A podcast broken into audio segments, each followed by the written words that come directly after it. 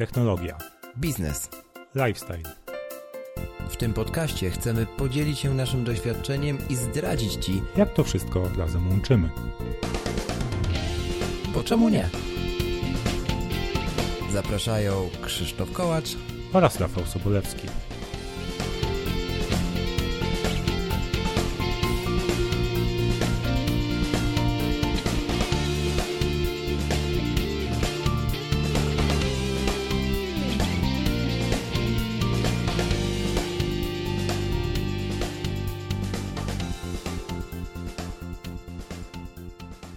To zaczynamy. 109 odcinek, bo czemu nie? Wracamy do tematów miejskich. Dzisiaj kolejny odcinek z gościem, ale zanim do gościa przejdziemy, to oczywiście klasycznie witam Cię Krzyśku e, z Wrocławia. Cześć Krzysiek. Cześć Rafał, witam z Krakowa serdecznie i witamy naszego drugiego gościa. Tak, dzisiaj jest z nami Karol Janas z Instytutu Rozwoju Miast i Regionów. Cześć Karol. Cześć, cześć, witam. Właśnie, Instytut Rozwoju Miast i Regionów. Ja do niedawna w ogóle nie wiedziałem e, co to jest za instytucja, więc może powiedz e, naszym słuchaczom, Karol, właśnie, właśnie kim jesteś i, i czym się zajmujesz w tym, w tym instytucie. E, jasne. Nie, nie będę może przedstawiał całej historii instytutu, która jest dość skomplikowana.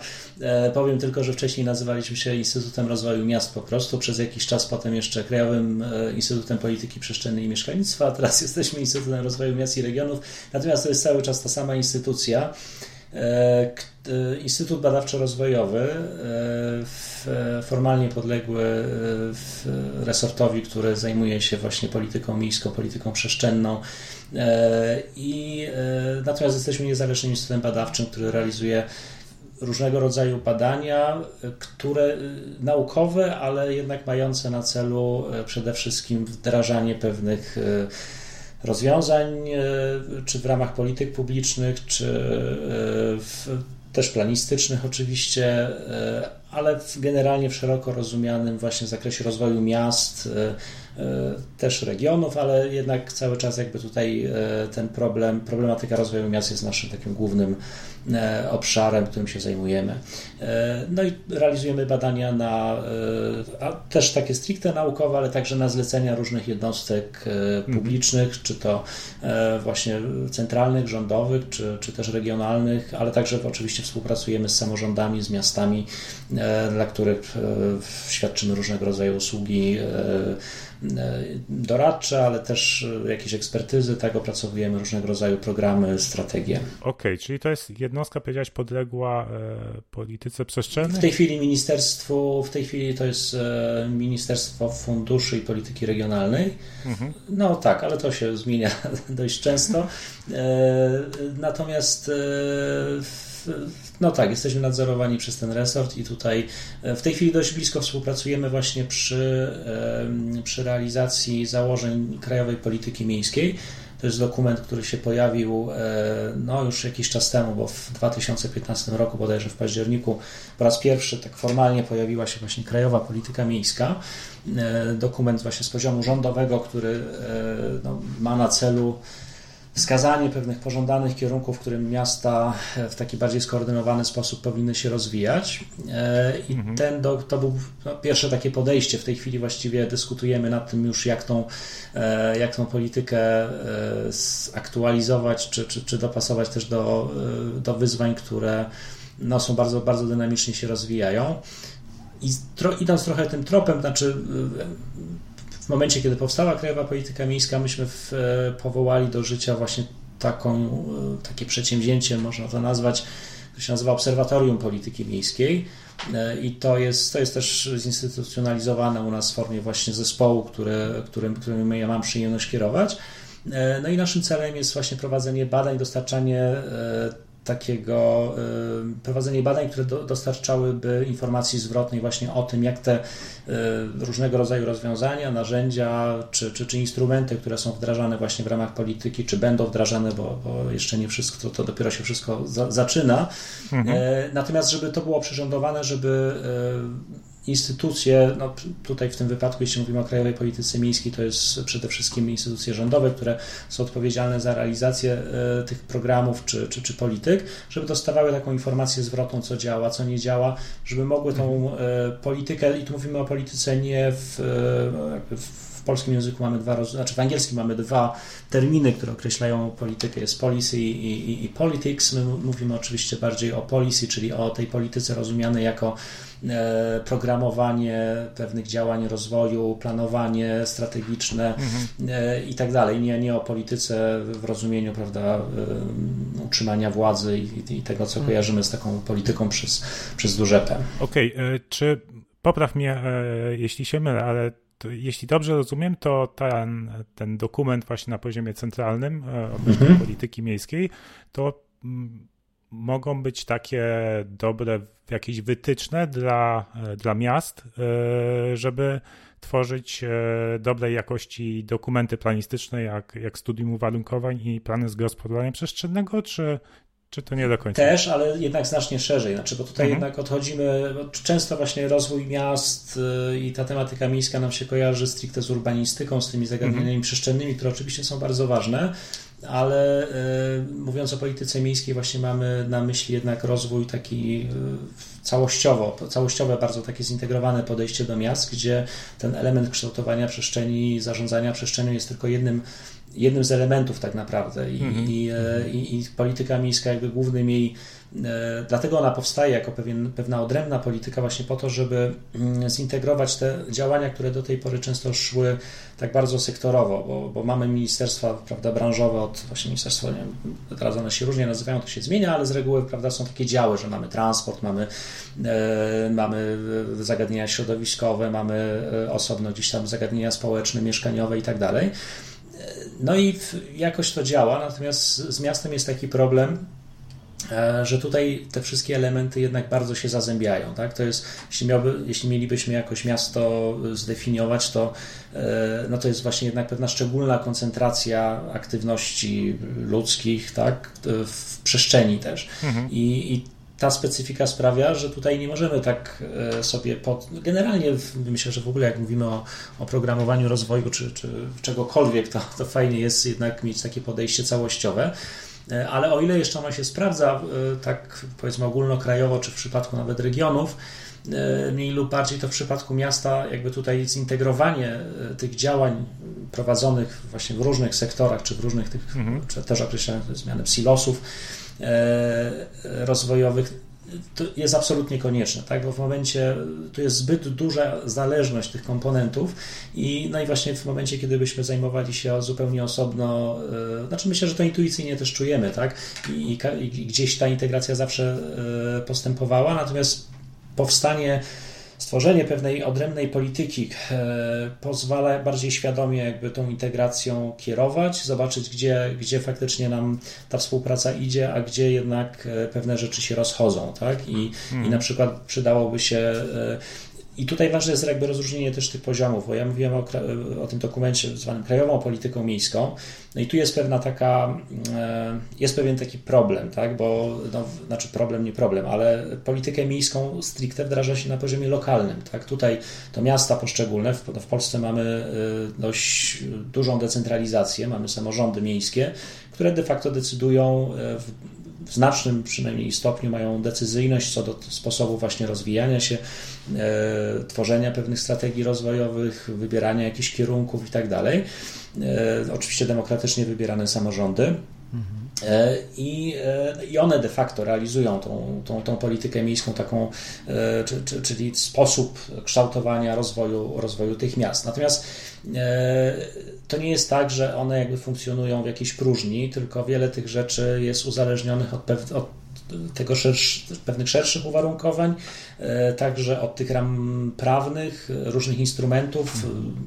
źródeł finansowania, które są dostępne mhm. I, i to są te, te, te zewnętrzne uwarunkowania, które właśnie stara się, stara się w tej chwili stworzyć krajowa polityka miejska, żeby pomóc miastom z jednej strony wskazać pewne pożądane kierunki, które rząd powie na przykład, no chcielibyśmy, żeby miasta rozwijały się w sposób powiedzmy bardziej zrównoważony, tak mamy w tej chwili, stajemy przed różnymi wyzwaniami też globalnymi, no i to jest nasz, powiedzmy, jak, jako rząd mhm. mówimy, e, to jest ten pożądany kierunek. Oczywiście my nie możemy tego wprost nakazać, ale mamy tak. pewne instrumenty, e, które mogą sprawić, że, że miasta będą chciały zachęcać miasta do wybierania tego kierunku. Tak? Jeśli miasta na przykład będą podążać za wytycznymi krajowej polityki miejskiej, no to stworzymy im na przykład instrumenty finansowe, które pomogą im we wdrażaniu powiedzmy planów zrównoważonej mobilności. Tak? To jest mhm. takie jedno, jedna z, z, no, z takich powiedzmy elementów, które się pojawiły i nie są obligatoryjne, ale jeśli już e, miasto chce skorzystać e, z jakichś na przykład funduszy czy, e, czy, czy pomocy, grantów zewnętrznych, no to wtedy już musi właśnie dostosować się do tych założeń. Tak.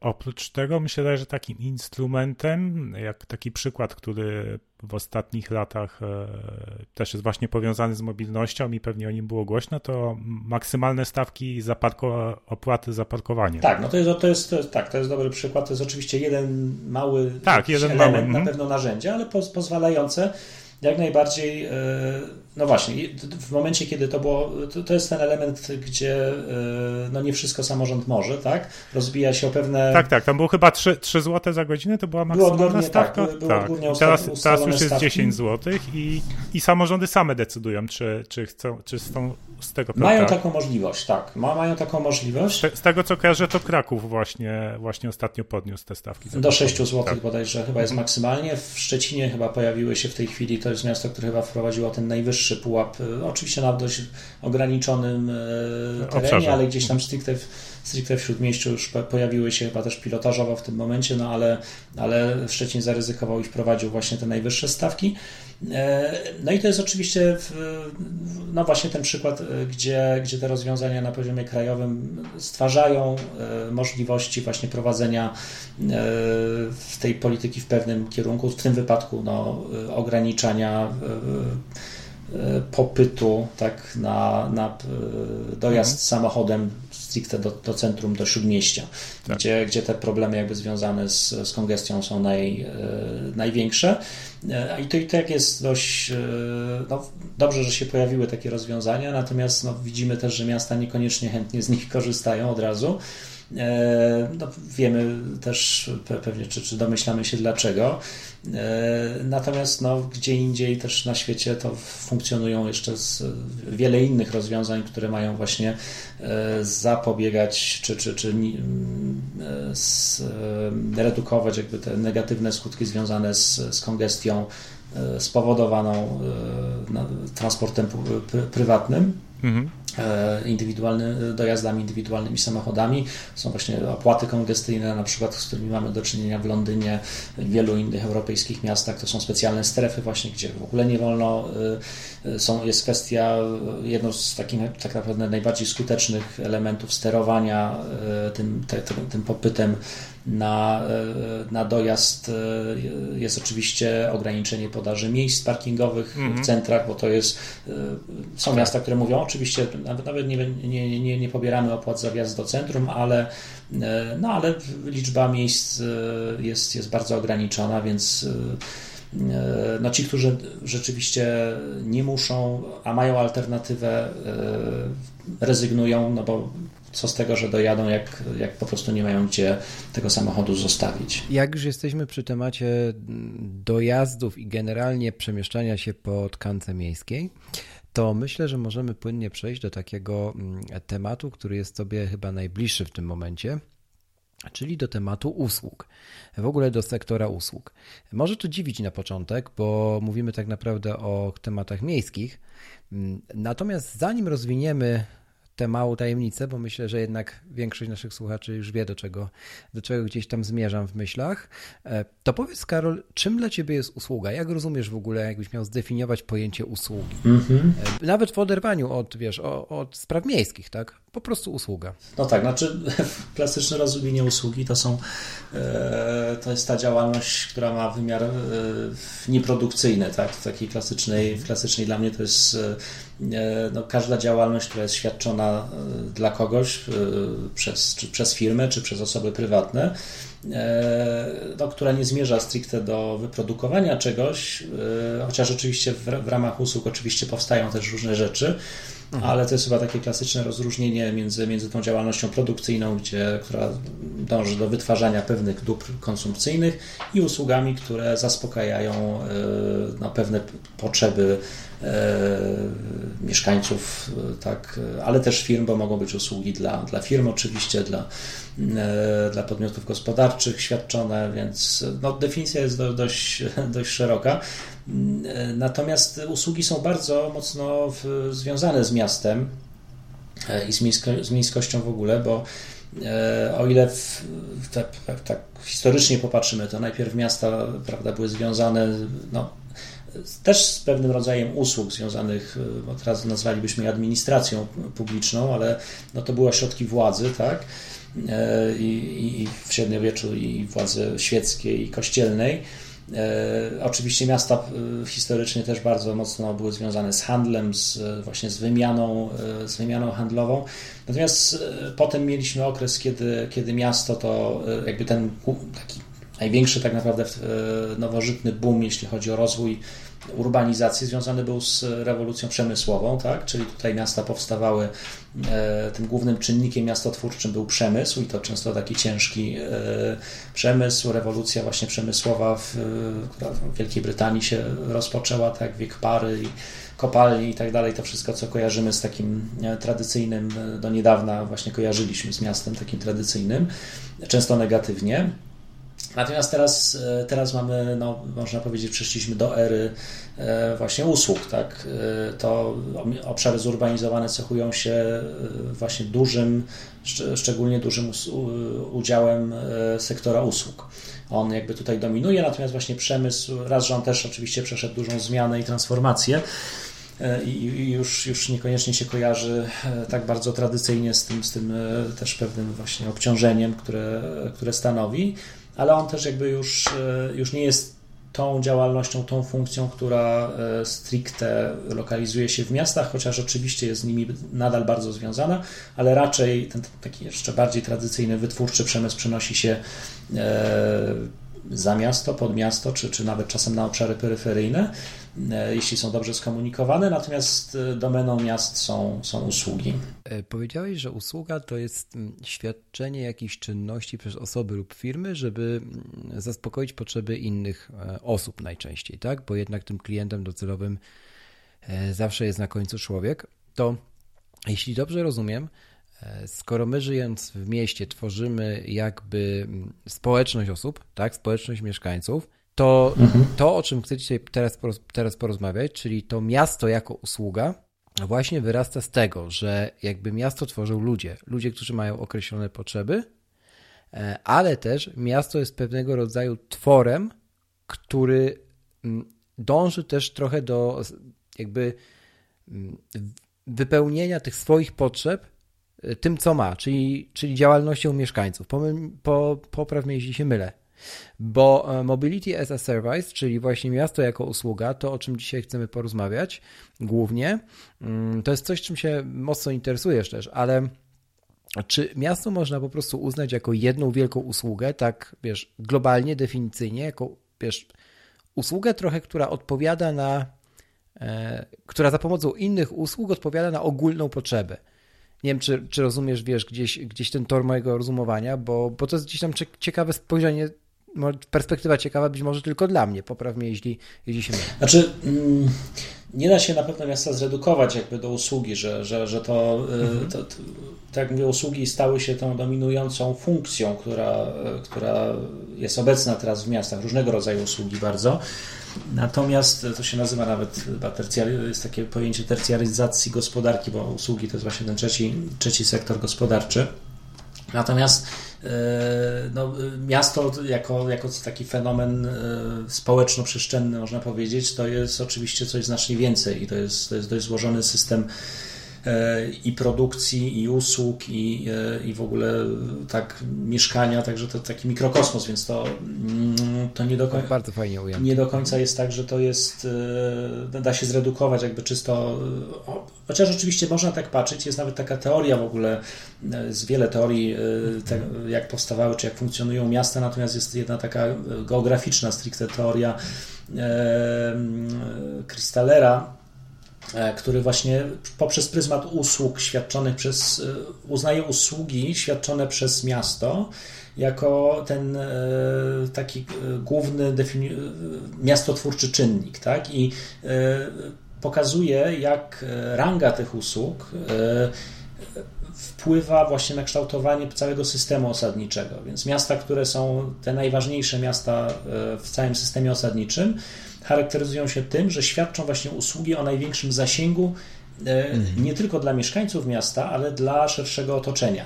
Hmm. I to są te tak zwane usługi centralne, czyli mamy, no mamy do dużych miast, prawda, dojeżdżają ludzie często z odległych, czy, czy z innych miast, z mniejszych miast, z całego kraju, no bo tam na przykład jest, e, tylko w stolicy znajdują się, jeśli tak popatrzymy, że to jest najważniejsze miasto na przykład w systemie, no to tam są pewne usługi właśnie e, związane z władzą centralną, e, których żadne inne miasto nie ma i, i one są, to są takie usługi o największym zasięgu. Potem idziemy w dół, mamy miasta na przykład wojewódzkie e, i one też mają pewne usługi, świadczą, tam możemy zrealizować szereg różnych potrzeb, mamy też usługi kultury na przykład, tak, które są dostępne w dużych miastach, więc jak ktoś chce się, oczywiście mieszkańcy tych miast mają je praktycznie na co dzień, chociaż nie zawsze na co dzień z nich korzystają, no ale jeśli ktoś z mniejszego miasta czy, czy z obszarów y, jakichś wiejskich chciałby pójść do opery, no to tych miast ma dość ograniczoną liczbę, no i z reguły prawdopodobnie uda się do tego najbliższego. Tak?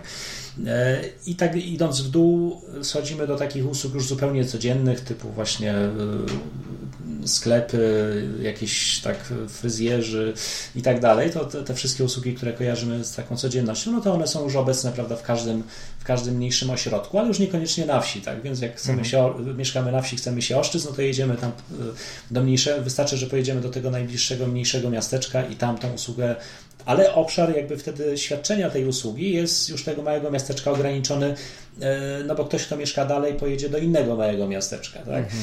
No więc to jest, to jest bardzo ciekawa teoria, która wyjaśnia w pewien sposób, oczywiście w takich idealnych warunkach, bo, bo potem na, na to, jak ten system się kształtuje, mają e, wpływ jeszcze szereg innych e, czynników, chociażby rozwój właśnie dostępności tych miast w sieci komunikacyjnej, pewnych barier, które w przestrzeni też występują, więc co z tego, że mamy nawet bliskie jakieś miasto, ale mamy granicę na przykład państwową i nie możemy z usług tego, ten obszar jakby obsługo, obszar usług świadczonych przez miasto jest gdzieś tam sztucznie e, docięty, tak? Ale jakby nie chcę tutaj tłumaczyć całej teorii, natomiast pokazać, że, e, że te usługi faktycznie są takim elementem bardzo dla miasta specyficznym. E, I faktycznie możemy przez pryzmat e, usług też definiować i nawet w pewien sposób rangować ważność miast, tak? w zależności właśnie jak, jaki zakres tych usług świadczą, jak, jak szeroki zasięg tych usług jest. Okej. Okay. Powiedziałeś, że to się na przestrzeni lat dosyć mocno zmieniało. To co jest taką największą zmianą? Jakie wydarzenia, być może jaka usługa e, w kontekście właśnie tych, tych usług dla miast, tak? w kontekście jakby tego pola semantycznego, którym, w którym się teraz gdzieś tam poruszamy, tak? Mhm.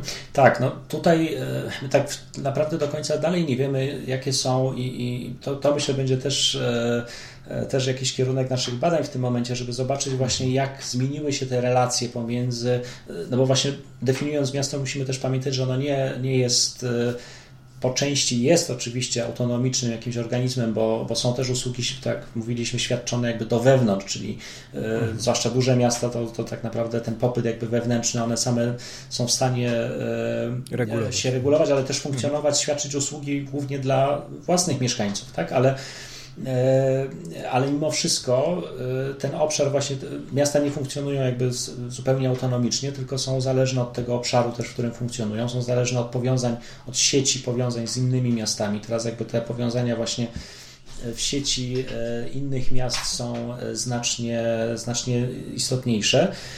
E, no i to, co prowadzi do tych przemian, e, to są no, głównie rewolucja komunikacyjna, tak? to, to, to czego doświadczamy chyba teraz obecnie w największym stopniu, to, co doprowadziło do, czy umożliwia w ogóle zachodzenie procesów na skalę globalną komunikacyjna w znaczeniu, no, tak jak teraz się właśnie komunikujemy dzięki internetowi, ale, e, ale też oczywiście sposobów przemieszczania się w przestrzeni fizycznej, która, która też znacząco się skurczyła, jeśli chodzi o, e, o tą dostępność. I tutaj olbrzymie e, no pierwszą taką właściwie rewolucją to było pojawienie się właśnie samochodu y, prywatnego. Tak? To, był, to było, znaczy może nie pierwszą, ale bo, bo, powiedzmy, że możemy tam jeszcze jakieś inne pewnie wyróżnić, ale y, jak patrząc tak na tą najnowszą historię, no to to był, to był taki element, który faktycznie zmienił y, znacząco strukturę miasta i w sposób właśnie, w jaki miasto się rozwijało, bo, bo wcześniej ta bliskość była szczególnie istotna, ta koncentracja, no bo.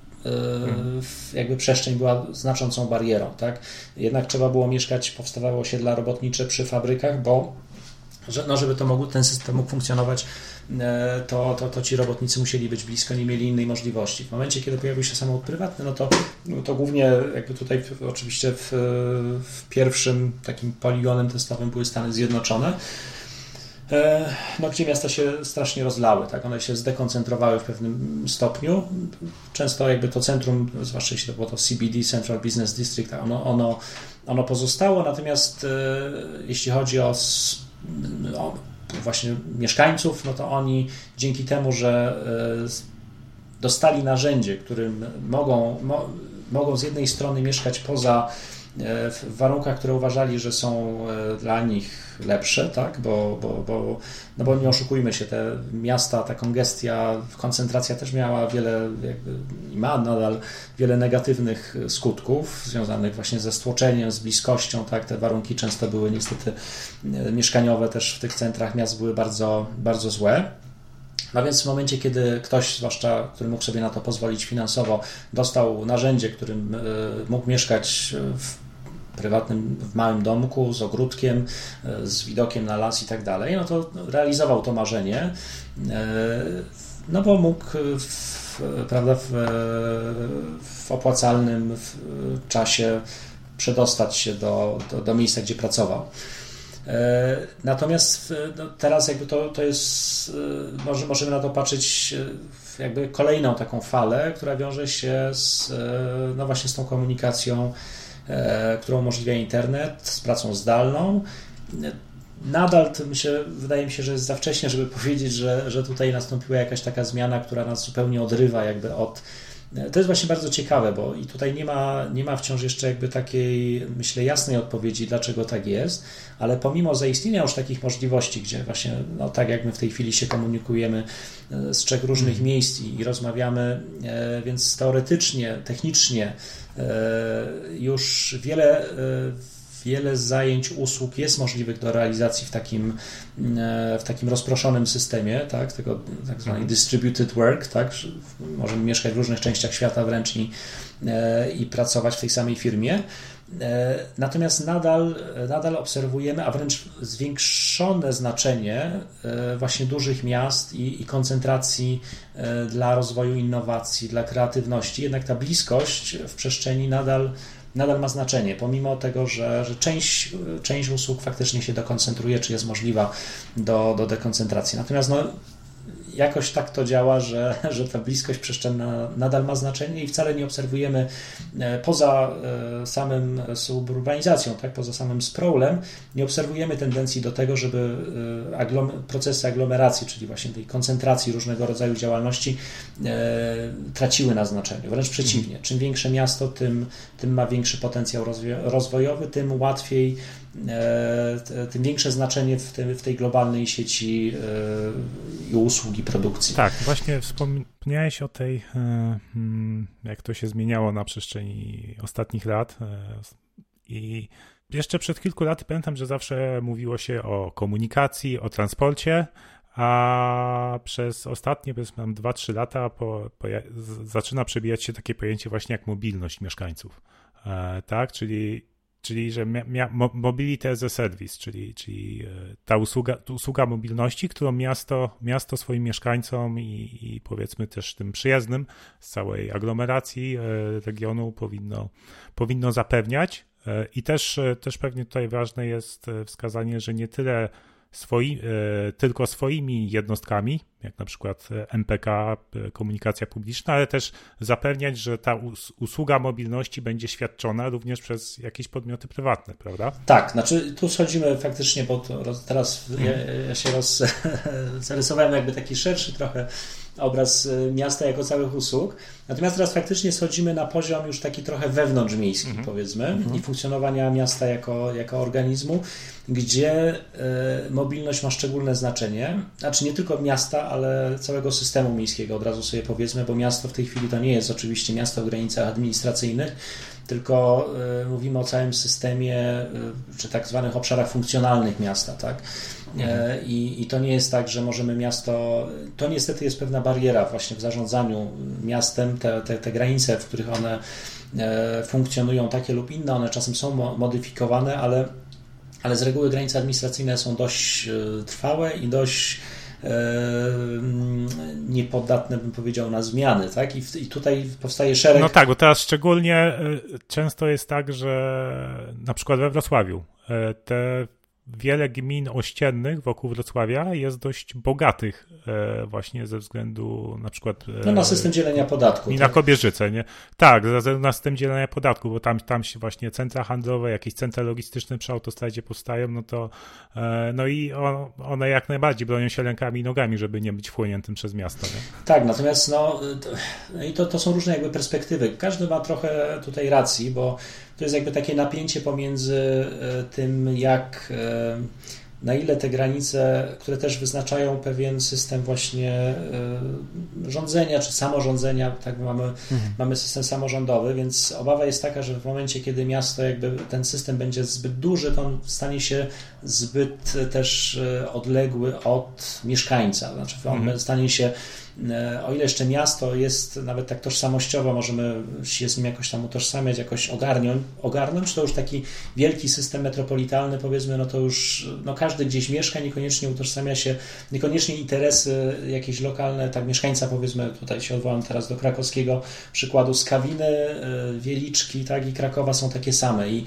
e, ja tak powiem, ja tak powiem, zrobię, najpierw zrobię dygresję, że interesy Skawiny to jest w ogóle to, żeby mieć czym oddychać, tak na co dzień, to tak na marginesie, ale wiem o co ci chodzi i teraz e, jakby e, chciałem dopytać, bo powiedziałeś, że mm, rozumiem, że chodzi ci o taką trochę wyuczoną bezradność, w sensie, że jeżeli mu poziom dyskusji też społecznej, miejskiej e, już wchodzi na mm, gdzieś tam takie wyżyny, że staje się prawie globalny, w sensie zmieńmy świat, no to ludzie przestają jakby się angażować, tak? W sensie nie mam wpływu, o to ci chodzi, tak? Tak, o to mhm. mi chodzi i tutaj i to, i to napięcie właśnie pomiędzy, w momencie, kiedy jakby oderwiemy zbyt znaczy, patrząc czysto jakby tak funkcjonalnie, no to najlepszym rozwiązaniem byłoby na przykład, skoro cały obszar jest funkcjonalnie powiązany i mieszkańcy, powiedzmy, Wieliczki, Skawiny, większość z nich dojeżdża, pracuje w Krakowie, ale w drugą stronę, bo na przykład, no właśnie mamy relokację też tego bardziej tradycyjnego przemysłu i, i stąd wiele no mieszkańców z Krakowa dojeżdża też do Niepołomic, tak do strefy przemysłowej, do, do Zabierzowa.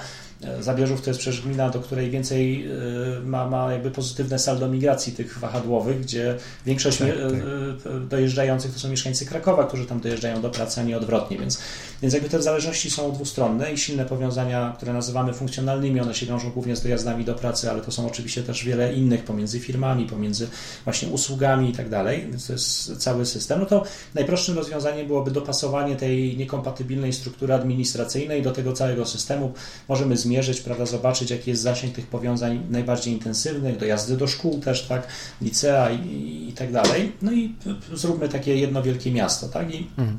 i będziemy wtedy zarządzać w sposób, e, w sposób e, jakby, no, zniknie ten problem e, pewnych nieciągłości, jakiś konfliktu interesów i tak dalej, no bo to będzie, prawda, jeden, jeden system zarządczy.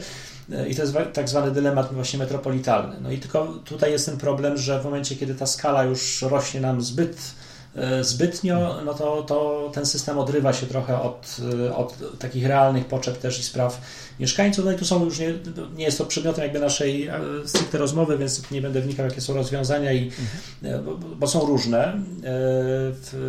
Natomiast, natomiast oczywiście tutaj jakieś wypracowanie pewnych elementów.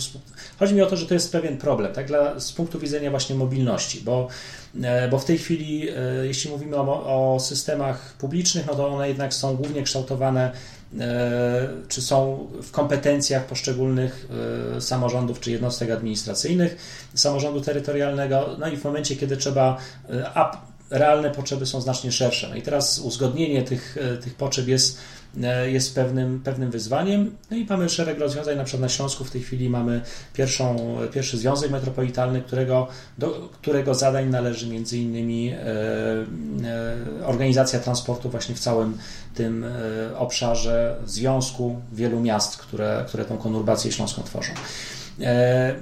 Ale wracając do, do samej mobilności, która jest właśnie jedną z podstawowych usług, no i absolutnie kluczowych dla funkcjonowania każdego miasta, no zwłaszcza dużego i średniego, tak? bo powiedzmy, że, że miasta małe czy, czy takie, no tam, tam jakby ten, no oczywiście też jakieś problemy występują, też, też ta mobilność e, jest jakimś elementem, ale to jest zupełnie inny, inna skala trudności czy, czy, czy, czy, czy problemu. Tutaj mówiąc o miastach dużych, no tutaj przede wszystkim jakby pojawiają się te problemy związane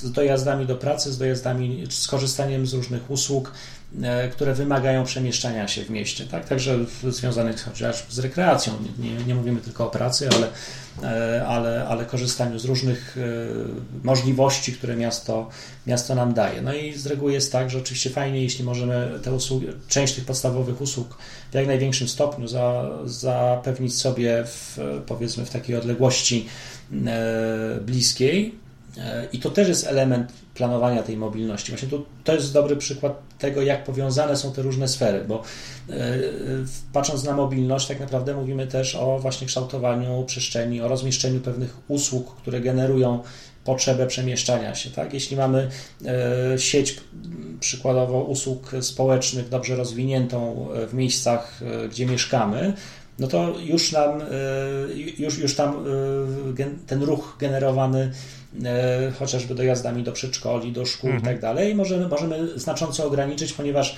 e, no, nasze dziecko może pieszo na przykład chodzić do szkoły, którą ma e, na swoim osiedlu, a jak powstają nowe osiedla, które tych szkół nie mają, no to, to często no, w ten sposób generujemy jeszcze, jeszcze ten ruch, więc to, są, to, są, to, to nie jest tylko kwestia techniczna związana z organizacją transportu, ale też z planowaniem przestrzennym, z, z właśnie z E, z planowaniem e, też inwestycji różnych, które są często wielkimi generatorami ruchu, typu, hmm. typu na przykład e, centra handlowe. Tak? No tak. Jeśli, jeśli je wstawimy gdzieś w, w samo centrum miasta, przy założeniu, że zakładamy, że tam ludzie muszą dojechać samochodem, bo oczywiście nie muszą.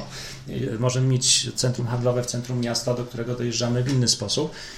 No ale jeśli, jeśli postawimy to centrum miasta, przy którym postawimy olbrzymi, e, olbrzymią, e, olbrzymi parking tak, wielopoziomowy, no to jest mhm. naturalne, że wygenerujemy spore, spore problemy właśnie z, e, z mobilnością i, i z kongestią. No i teraz w, jeszcze wracając do tych elementów tego systemu właśnie mobilnościowego, no to mówimy, mamy dwa, tak? Mamy ten transport, to co kojarzymy, tak wspomniałeś, MPK, tak? No to jest, mhm. czyli transport publiczny, krótko mówiąc. No oczywiście może być świadczony przez, e, obsługiwany przez podmioty prywatne, przez spółki miejskie, róż, organizacja może być różna, ale jest to usługa publiczna, tak? Usługa, za którą, którą świadczy miasto yy, i, i za którą e, miasto odpowiada, za jego organizację.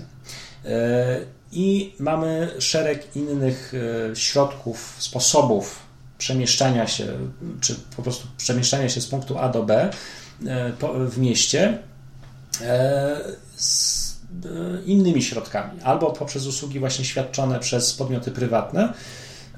I to jest jakby taka nowość, która która teraz też się pojawiła no, stosunkowo niedawno w naszych miastach, czyli właśnie te usługi e, tak carsharingowe, nie wiem, e, rower miejski, no, rower miejski jest miejski, ale, no tak. ale są też rowery już, e, e, tak Uber chyba nawet wprowadził w wielu miastach mm, też e, właśnie rower, który można wynająć i nim się przemieszczać. No, już Naprawdę? To tego nie wiedziałem. Jak to się nazywa? Uberbike? A nie, oczywiście, to Uberbike chyba, ale są też no, wiele innych systemów już takich rowerowych zupełnie komercyjnych funkcjonuje. Jest, hmm. jest w Brukseli, to się chyba nazywa, no już nie pamiętam jak, ale, ale też jest jakiś system i często to są systemy konkurencyjne firm, które E, które często też traktują je jako, nawet jeśli na nich nie zarabiają bezpośrednio, to traktują je jako uzupełnienie e, systemu właśnie całego, całego łańcucha przemieszczania się, tak? Mhm. E, bo, bo na to przemieszczanie w zależności skąd dojeżdżamy, czy to inaczej będzie, jeśli dojeżdżamy z gminy podmiejskiej właśnie, czy gdzieś z dalszego obszaru, inaczej jeśli chcemy się poruszać w samym śródmieściu, no ale z reguły to jest tak, że jak dojeżdżamy właśnie z dalsze, no to często jedziemy, prawda, nie wiem, autobusem czy pociągiem, potem przesiadamy się, e, a potem, potem jest ta ostatnia mila, czyli właśnie dotarcie często już do tego konkretnego adresu. Mhm. No i tutaj możemy, właśnie jeśli samochód nie może wszędzie wjechać, no to wtedy usługodawcy prawda, dostarczają inną możliwość dostania się najlepiej jeśli to jest w tym samym systemie, no to mhm. wtedy możemy wysiąść z samochodu y, tam, gdzie on już dalej nie pojedzie, przesiąść się na rower Ubera jakby w tej samej na przykład, y, czy, czy jakiegoś innego operatora, nie chcę tu kryptoreklamy robić, ale, ale Uber chyba jest tym, tą firmą, która jakby najbardziej spopularyzowała, czy była tym pionierem, jeśli chodzi o rozwój tych nowych form mobilności. Nie, no to w 100%, mhm. tak, oczywiście.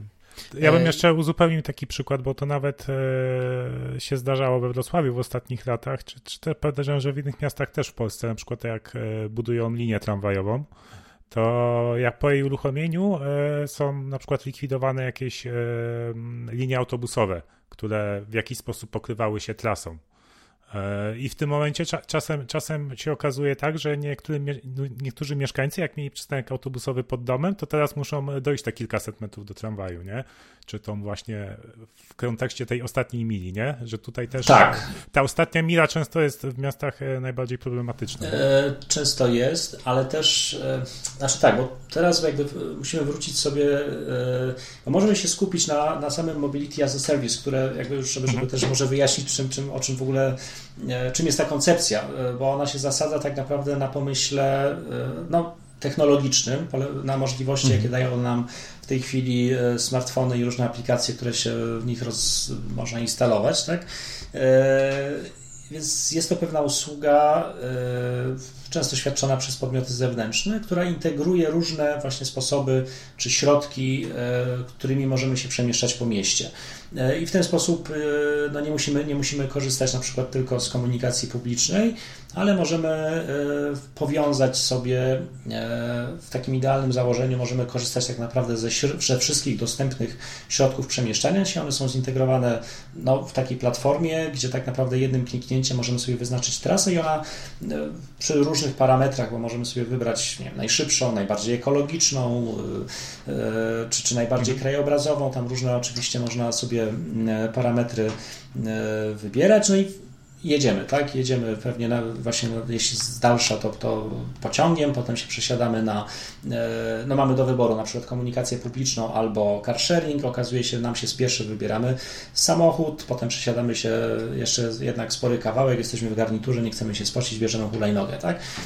Albo rower publiczny, więc publiczny czy, czy, czy prywatny, ale, ale w tym, który jest w tym systemie a już tam e, ostatnie, ostatnie metry dochodzimy.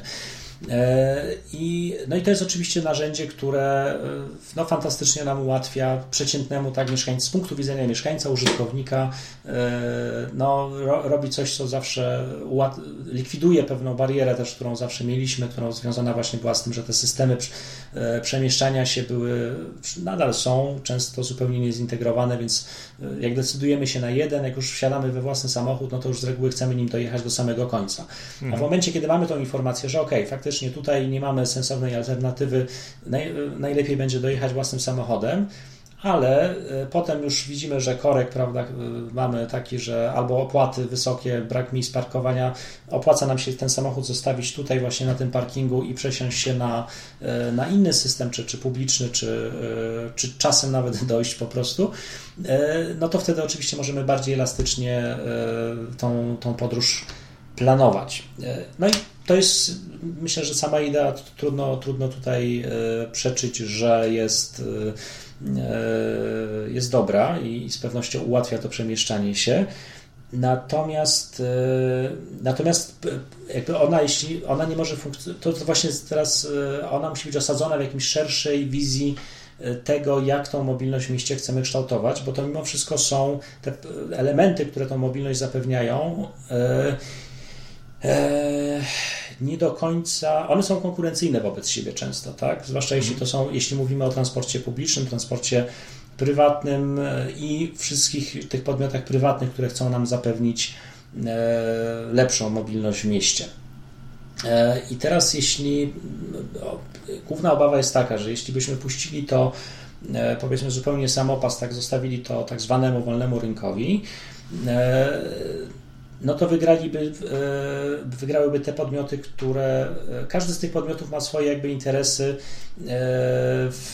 No, to jest zupełnie naturalne i nie chodzi o to, że, żeby tutaj kogoś oskarżać, że że to źle. To jest naturalne, że jeśli ktoś ma firmę carsharingową, to chce, żeby jak najwięcej osób z tych samochodów korzystało. Mhm. E, natomiast jeśli popatrzy, jednak z zadaniem właśnie polityki miejskiej, tych, którzy ją planują, powinni planować, e, no jest zapewnienie pewnej równowagi tych interesów oraz takim, takim sterowaniem E, takie sterowanie e, rozwojem tej mobilności, żeby osiągnąć pewne cele, które chcemy osiągnąć. No i teraz to jest pytanie zasadnicze, właśnie jak tą mobilność chcemy kształtować i e, czy jakby celem... Jak zachować tę równowagę, bo to mhm. jest trochę też tak, że kiedy te usługi dla miast, y, czy, czy związane z mobilnością, chociażby car sharing, czy wszelkiego rodzaju wypożyczania jakiegoś środka, mm, e, środka transportu, chociaż nie tylko, bo to też e, dostawcy jedzenia chociażby, których przybywa na pęczki, nie? zwłaszcza tak. ci, którzy dostarczają to jedzenie na rowerach.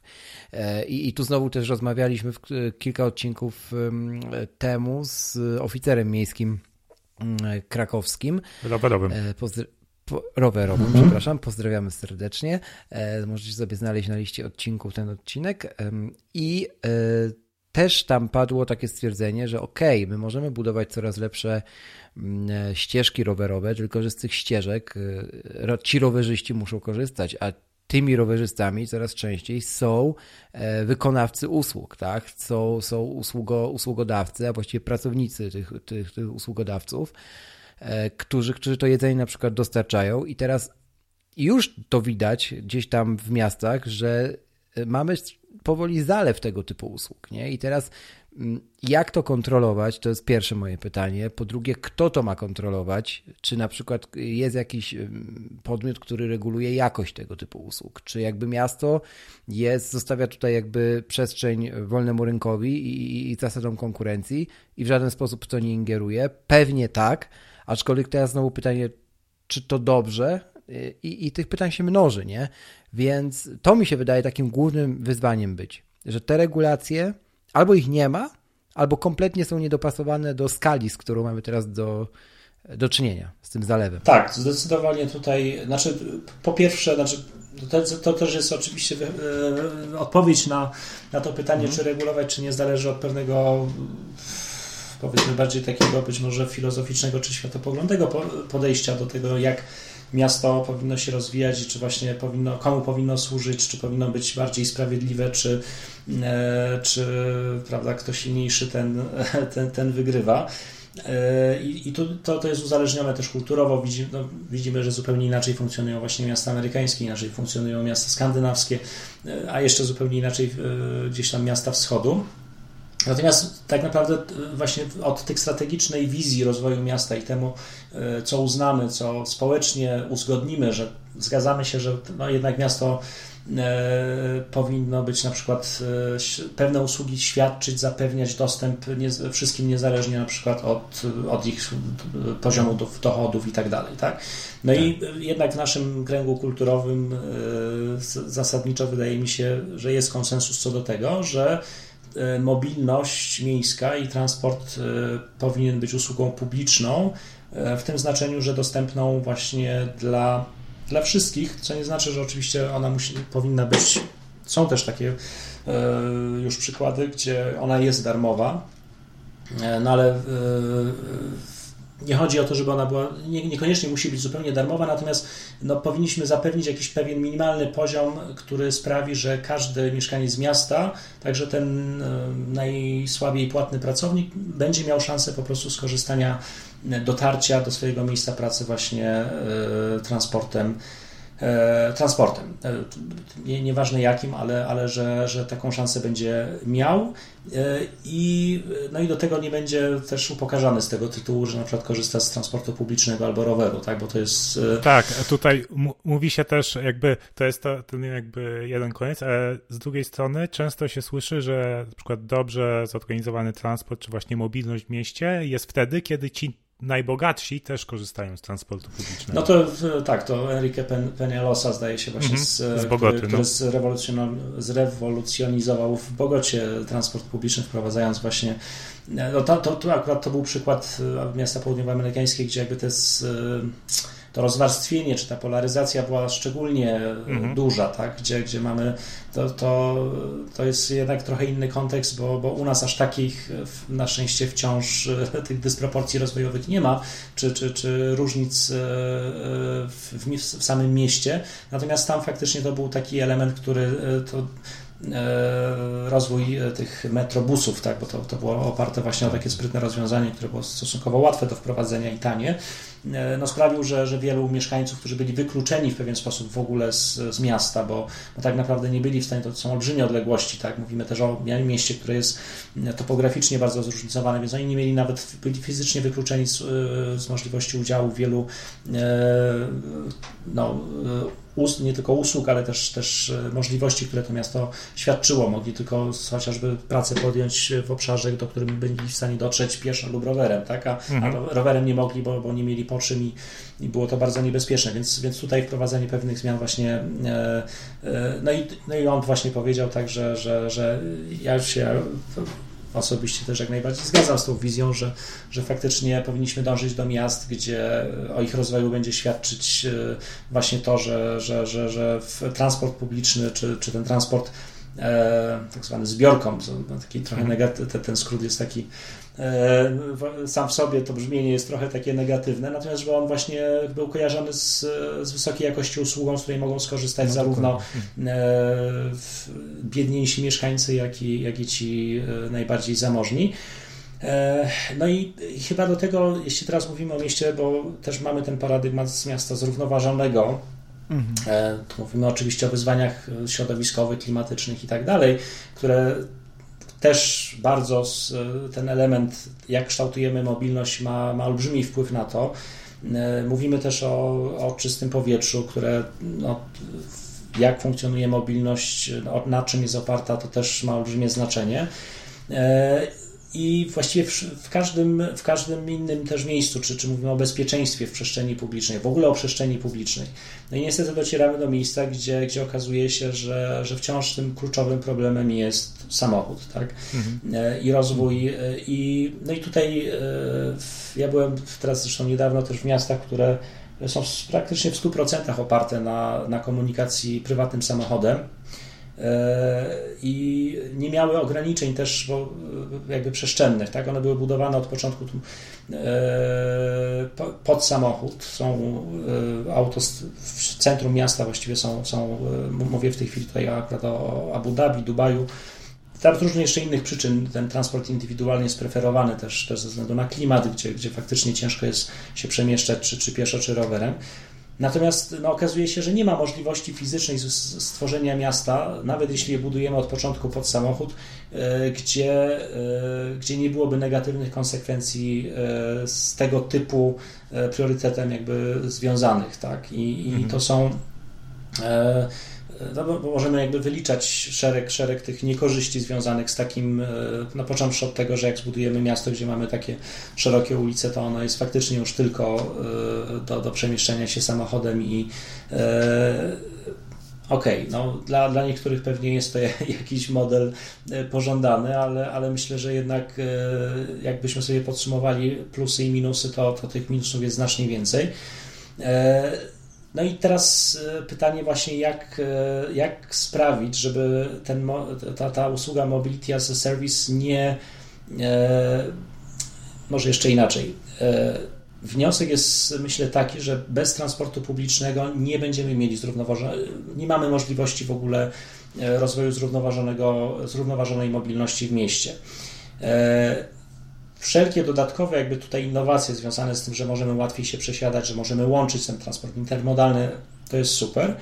Natomiast musimy też mieć świadomość, że to musi być kontrolowane, wracając już od, do tego, od czego zaczęliśmy, bo jeśli nie będzie, y, no to w, y, prawdopodobnie, zresztą y, tutaj mogę się odwołać też, ja w, w Abu Dhabi byłem na Światowym Forum Miejskim, tam było takie ciekawe mhm. wystąpienie właśnie z E, Lindsay Gregg chyba się nazywał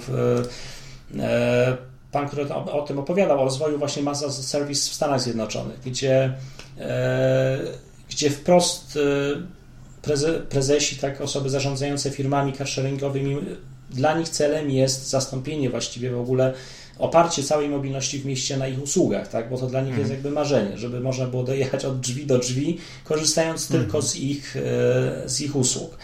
E, I to jest ich święte prawo. Oczywiście to pewnie jakbym był prezesem takiej firmy, też bym, też bym do tego dążył, no bo celem jakby prywatnej działalności jest maksymalizacja zysku. Natomiast jednak e, podmiot zarządzający miastem powinien no, przyjrzeć się temu, czy E, czy w taki e, sposób e, rozwoju mobilności, oparcia mobilności właśnie na takiej usłudze z pewnością nie wykluczy kogoś z dostępu do tej usługi, czy, czy w końcu nie wygeneruje też problemów, które no, znamy mhm. już w, z, związanych z, z nadmiernym ruchem samochodowym, tak, bo ostatecznie to będzie oparte dalej o, może bardziej będzie efektywne, bo prawda, tym samochodem być może będzie mogło podróżować więcej osób, być może on będzie bardziej efektywnie wykorzystany, ale to dalej będzie samochód prywatny i wszystkie negatywne konsekwencje z jego użyciem w, w mieście związane.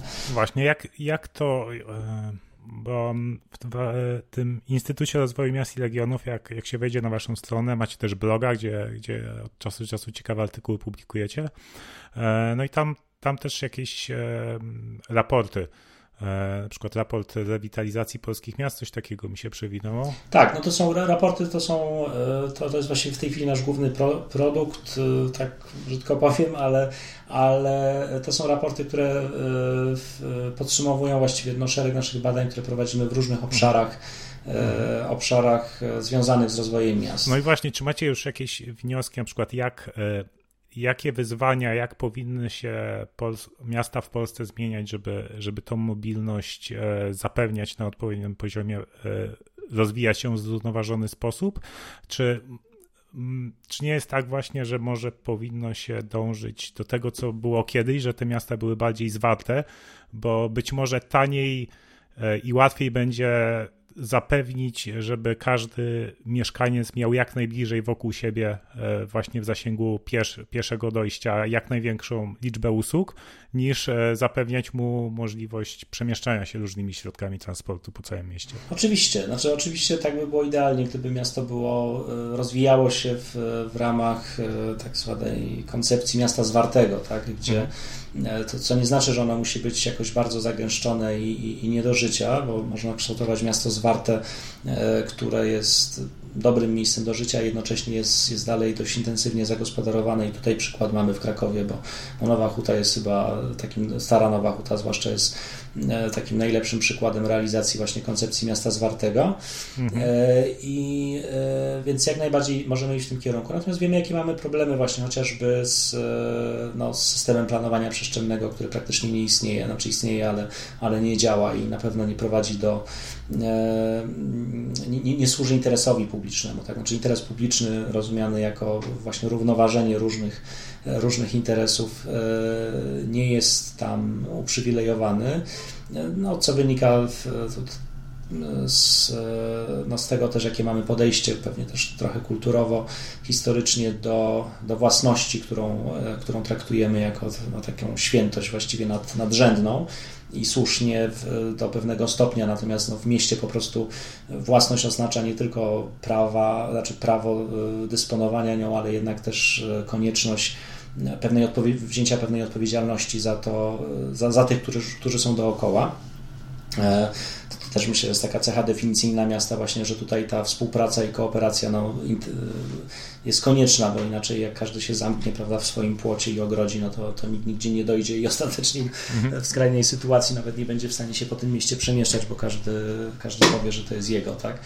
E, ale tak, ale to jest ten e, element przestrzenny, jeśli chodzi o kształtowanie.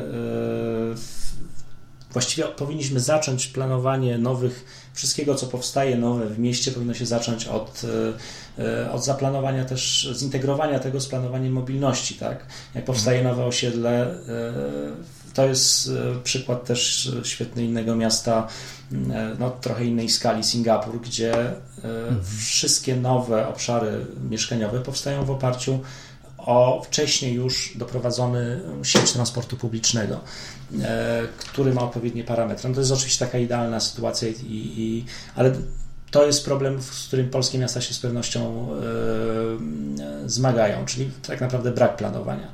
No i mhm. konsekwencje tego już widzimy, bo, bo powstają mm, też bliska mi Wieliczka, e, w której, w której obecnie mieszkam, powstają e, kolejne jakby obszary są przeznaczane, jest olbrzymi popyt w tej chwili, olbrzymi ruch inwestycyjny mieszkaniowy tak, w tym kierunku powstają nowe wielkie obszary, obszary y, właściwie osiedla mieszkaniowe, y, bazując na za tym nie postępuje żaden rozwój ani infrastruktury y, właśnie komunikacyjnej, ani drogowej, ani, ani już nie mówiąc o transporcie publicznym, więc no i już w tej chwili widzimy jakie są w, w, no, problemy po prostu, tak, transport publiczny nie jest wydolny, w związku z czym mieszkańcy siłą rzeczy przerzucają się na, na prywatny samochód.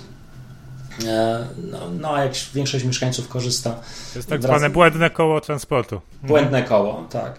No i e, więc tutaj jest no, bardzo, bardzo dużo jeszcze do zrobienia i w, w, tylko nie jest to łatwa rzecz, tak? Bo znaczy, możemy rzucać pewne recepty. Wiemy, że właśnie na przykład no, możemy wprowadzić pewne płaty wpływać na to, żeby jakby popyt y, ograniczać, tak? Popyt rozumiany mhm. jako tą chęć dojazdu prywatnym samochodem do miasta.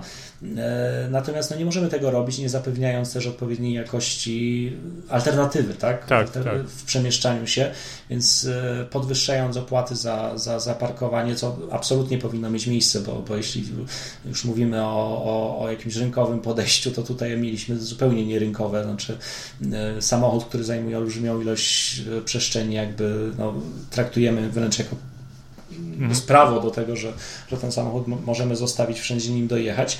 E, no i może mogłoby tak być, gdyby to było fizycznie możliwe, ale, ale tutaj no, jakby czysta matematyka pokazuje, że jeśli mamy e, tyle różnych rzeczy dzieje się na tak ograniczonej przestrzeni, no to, to nie ma szans, tak? To, to zawsze albo będzie kto pierwszy, ten lepszy, ale ostatecznie wszyscy tracą, bo, bo i ci, którzy dojeżdżają, no to prawda, stoją w korkach, denerwują się, nie mają gdzie zaparkować, a ci, którzy decydują się na rower lub y, przemieszczanie się pieszo, no to właśnie są narażeni, mają, jest bardziej niebezpiecznie, jeśli ten ruch jest większy, tak. jest hałas, jest zanieczyszczenie i szereg tego, co nazywamy tymi mm, jakby y, E, kosztami zewnętrznymi, tak? którego jakby przeciętny kierowca dojeżdżający do miasta tego nie kalkuluje, bo on mhm. kalkuluje tylko cenę benzyny i i ewentualnie koszty parkowania, natomiast, natomiast już nie kalkuluje tego, że wiele kosztów e, związanych z tym, że on wybiera taki sposób mobilności w mieście jest przerzucana na, e, na innych użytkowników miasta, krótko mówiąc, tak? Tych, którzy stoją w, wybierają autobus, ale stoją w korku, bo spowodowanym przez właśnie kierowców, którzy często też to są cztero, sześcioosobowe samochody, których jedzie jeden kierowca, tak? Czyli skrajnie jakby też nie... No to no, taki standard. Taki standard. No ale, ale to, jest, to jest olbrzymie wyzwanie w tej chwili, żeby jakby tutaj e, no te, te, zacząć sterować tą mobilnością w jakiś sposób.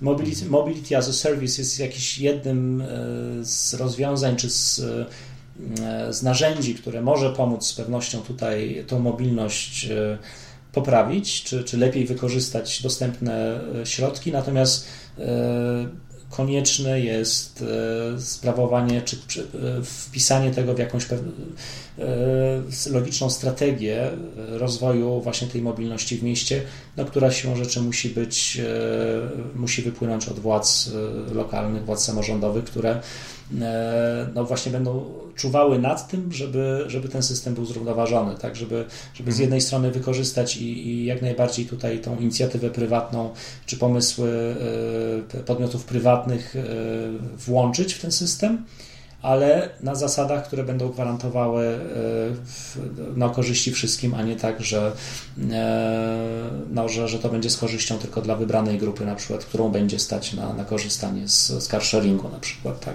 Mhm. E, I, I też uwzględniając oczywiście no, pewne potrzeby pewnych obszarów miasta, gdzie, gdzie w ogóle przemieszczanie samochodem powinno być ograniczone. Tak? Szacuje się, że 10% tego istniejącego ruchu samochodowego to jest tak naprawdę ruch samochodowy konieczny, tak? ten, który jest do funkcjonowania miasta, a, a, a cała reszta jest, no, da się ją zastąpić innym innym sposobem przemieszczania. A, a cała reszta krąży w poszukiwaniu miejsca parkingowego.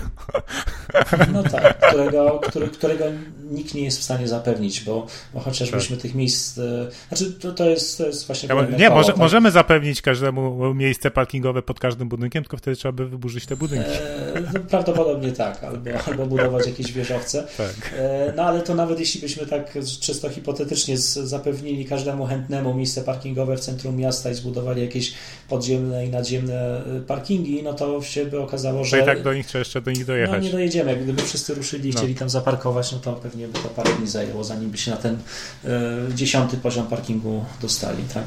Tak, ja, ja się tak nauczyłem, jak pierwszy raz na przykład pojechałem na mecz y, piłki nożnej reprezentacji Polski do Chorzowa i zaparkowałem jak najbliżej to było ostatni raz, kiedy tak zaparkowałem. Za, za każdym razem, jak potem jeździć, to parkowaliśmy jakieś 2-3 km od stadionu. I, i, I, to, było, to było najbardziej efektywne, nie? No tak, no tak. To jest, no po prostu po, miasto, samochód y, prywatny nie sprawdził się jako podstawowy środek mobilności w mieście. Jest, to jest naj, najmniej efekt, efektywny. I tylko czasami jest konieczny, tak naprawdę. Tylko czasami jest konieczny, aczkolwiek y, tutaj mówimy pod warunkiem, on nie będzie konieczny, pod warunkiem, że będziemy mieć alternatywę, tak. czyli, e, czyli e, transport e, publiczny, efektywny, tak naprawdę jedynym chyba efektywnym w tej chwili rozwiązaniem, najbardziej efektywnym rozwiązaniem jest miks transportowy tak zwany, czyli czy, czy mobilnościowy, czyli, bo też nie jesteśmy w stanie zapewnić, to też jest oczywiście fikcja, jeśli byśmy chcieli powiedzieć, że, że obsłużymy całą mobilność, całe wszystkie potrzeby mm, przemieszczania się po mieście transportem publicznym, bo, bo to jest no, to też chyba się mhm. nikomu jeszcze dotąd nie udało. Oczywiście są takie miasta, chociażby jak Singapur, gdzie, gdzie ten transport jest publiczny bardzo efektywny i bardzo y, pojemny i w ogóle super, ale i tak to, no, to, to, to też jest pewne, no, pewna utopia, że, że tutaj zbudujemy system zupełnie e, wystarczający. Mamy jeszcze, e, o tym trzeba pamiętać, że mamy jeszcze rowery i mamy, mamy nogi. E, I w Paryżu na przykład bardzo dużo przemieszczeń w śródmieściu dokonuje się pieszo, do, nawet do takich odległości do pół godziny. E, I okazuje się, że ma to bardzo też pozytywne skutki zdrowotne, chociażby dla, tak. dla tych, którzy właśnie chodzą, e, więc nie, też, też nie dążmy do tego, że wszędzie musimy, że pod same drzwi musimy właśnie chociażby tą hulajnogą podjechać, bo, bo wiemy, że one też mają swoje, swoje negatywne skutki, natomiast być może właśnie trzeba, trzeba przywrócić E, ale żeby ten z kolei przemieszczanie się piesze po mieście było bardziej popularne i, i ludzie chętniej z tego korzystali, e, to z kolei właśnie tutaj musimy też e, no, planować tą infrastrukturę tak, żeby, żeby to przemieszczanie było możliwe i, mhm. i, i bezpieczne i przyjemne. Tak? I, i Jeszcze na koniec, mhm. Karol, myślę, że mam takie pytanie oczywiście, które pada w tego typu rozmowach zawsze, czyli pytanie o przyszłość. E, jakby jakie największe zmiany upatrujesz w, nie wiem, w kontekście a powiedzmy tak sztampowo najbliższej dekady, tak? Czyli czy będziemy już, nie wiem, lewitować, latać, przemieszczać się bardziej w powietrzu niż na ziemi, może pod ziemią, może właśnie w tych słynnych tunelach, które to Elon Musk buduje i drąży już w Stanach. Yy, no i przede wszystkim yy, Mobility as a Service będzie notowało, jak rozumiem, wzrosty przychodów i, i popularności, o ile sobie oczywiście po, poradzimy z tym zalewem, o czym już rozmawialiśmy. Zatem co nas czeka mm, za 10 lat? Jak myślisz? A, e, znaczy, jeśli mówimy o kontekście tutaj polskich miast, to nie, mhm. znaczy w perspektywie 10 lat nie spodziewałbym się jakiejś mega e, rewolucji. No to ją wydłużmy.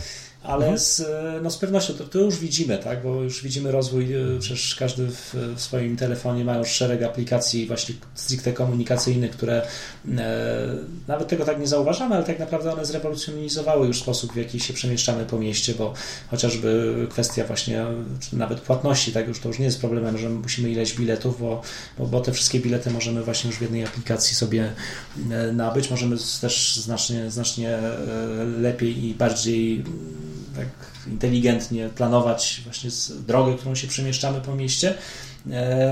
Więc to, to, to już ta rewolucja postępuje i z pewnością tutaj, tutaj będzie, będzie duży, duży jeszcze postęp, rozwój, tak myślę. Mhm. Natomiast. Nie... Ale Karol, o, to, to ja może uzupełnię pytanie, bo w polskich miastach zdaje się, że ciągle jest tak, że liczba samochodów na per capita, czyli na mieszkańców, przy, mhm. przybywa.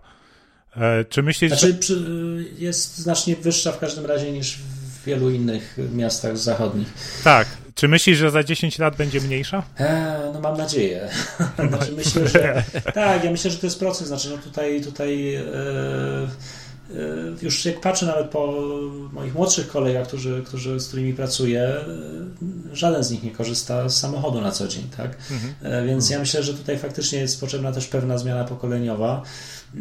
Ten sposób przemieszczania się związany jest też jednak z, z odmiennym trochę stylem życia, który, który, który no, nowe pokolenia będą, mają czy, czy, czy będą mieć, więc, więc ja myślę, że to, to dość szybko nastąpi ten odwrót, od, bo, bo jednak E, koszty, które są związane z, z posiadaniem samochodu i, e, i ostatecznie też niewygoda, która się wiąże z samochodem jako z tym środkiem, który chcemy używać przemieszczając się po mieście sprawi, że, że e, no, ale ja bym, jeśli mówimy o przyszłości, o rewolucji, to ja bym jednak nie upatrywał jej w jakichś kosmicznych czy, czy futurystycznych okay. zupełnie rozwiązaniach. Właśnie dlatego ale, zapytałem. Ale raczej właśnie w, w powrocie do, do takich tradycyjnych, sprawdzonych rozwiązań jak jak rower, jak nogi.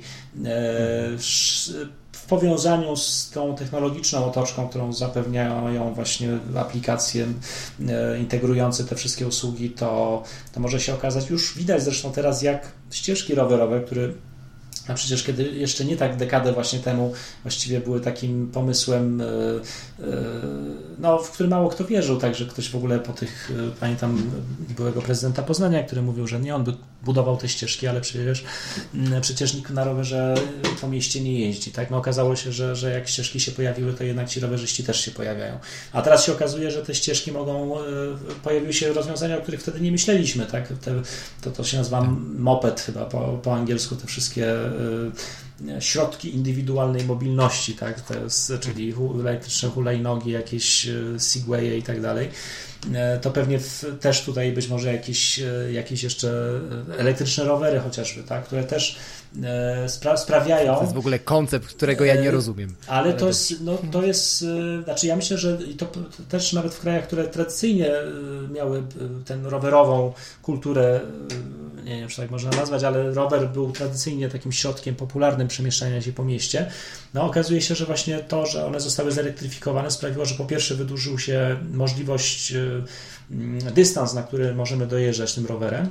Mhm. E, I nawet były takie badania prowadzone, które pokazały, że e, wbrew pozorom, jeśli chodzi o te czysto zdrowotne tak, e, skutki związane mhm. z, z pedałowaniem, to wcale użytkownicy elektrycznych rowerów nie wypadają gorzej, ponieważ oni przez to, że ten, tym rowerem łatwiej się jeździ, dojeżdżają na dłuższe dystanse i częściej z niego korzystają, bo, bo no, po prostu mają mniejszy jakby opór, są bardziej zachęceni do tego, żeby na co dzień go użytkować. Tak, i też oso osoby starsze korzystają. I osoby starsze, tak. Które tak. Oczywiście są inne, inne problemy związane też z bezpieczeństwem, pojawiają się jakieś wyzwania, ale to, to, to, to jak zawsze z rozwojem tego typu rzeczy, ale no, myślę, że właśnie w tą stronę to, to pewnie się będzie rozwijać. E, ja na koniec jeszcze jedną rzecz bym taką dodał, o której sobie w kontekście też Mobility as a Service i tego typu usług, którą sobie tutaj wynotowałem, mhm. E, to znaczy współdzielenia, znaczy e, jeśli mówimy o tym kontrolowaniu, konieczne jest zapewnienie e, poza jakimś otoczeniem, dostosowaniem otoczenia prawnego też, tak, z którym mamy olbrzymi problem, bo widzimy to na przykładzie hulajnóg, tak, gdzie, gdzie, e, gdzie, gdzie prawo zupełnie nie nadąża nad regulowaniem tych nowych środków mobilności. Kwestia dzielenia się danymi. Mhm o, o mobilności, o, o tym, jak, co się po mieście przemieszcza, tak? Bo i tutaj miasta powinny jasno stawiać sprawę, że jeśli dopuszczają świadczenie pewnych usług w przestrzeni publicznej, bo w końcu one są świadczone na infrastrukturze publicznej, tak na drogach, na ścieżkach rowerowych, które powstają za publiczne pieniądze i są administrowane przez miasto. Mhm. Bez tego przecież nie, nie funkcjonowałyby, znaczy no, być może jakoś by funkcjonowały, ale, ale miasto jest, tak naprawdę ono zapewnia tą infrastrukturę, tak samo drogi. Więc miasto powinno stawiać pewne warunki, tak? Jeśli dopuszczamy rozwój tego typu usług, czy to będzie car sharing, czy, czy elektryczne hulajnogi, czy sieć wypożyczalni rowerów i tak dalej, e, firmy powinny dzielić się z miastem danymi e, o, o tym, gdzie, e, gdzie się te pojazdy przemieszczają, o tym, jak to funkcjonuje.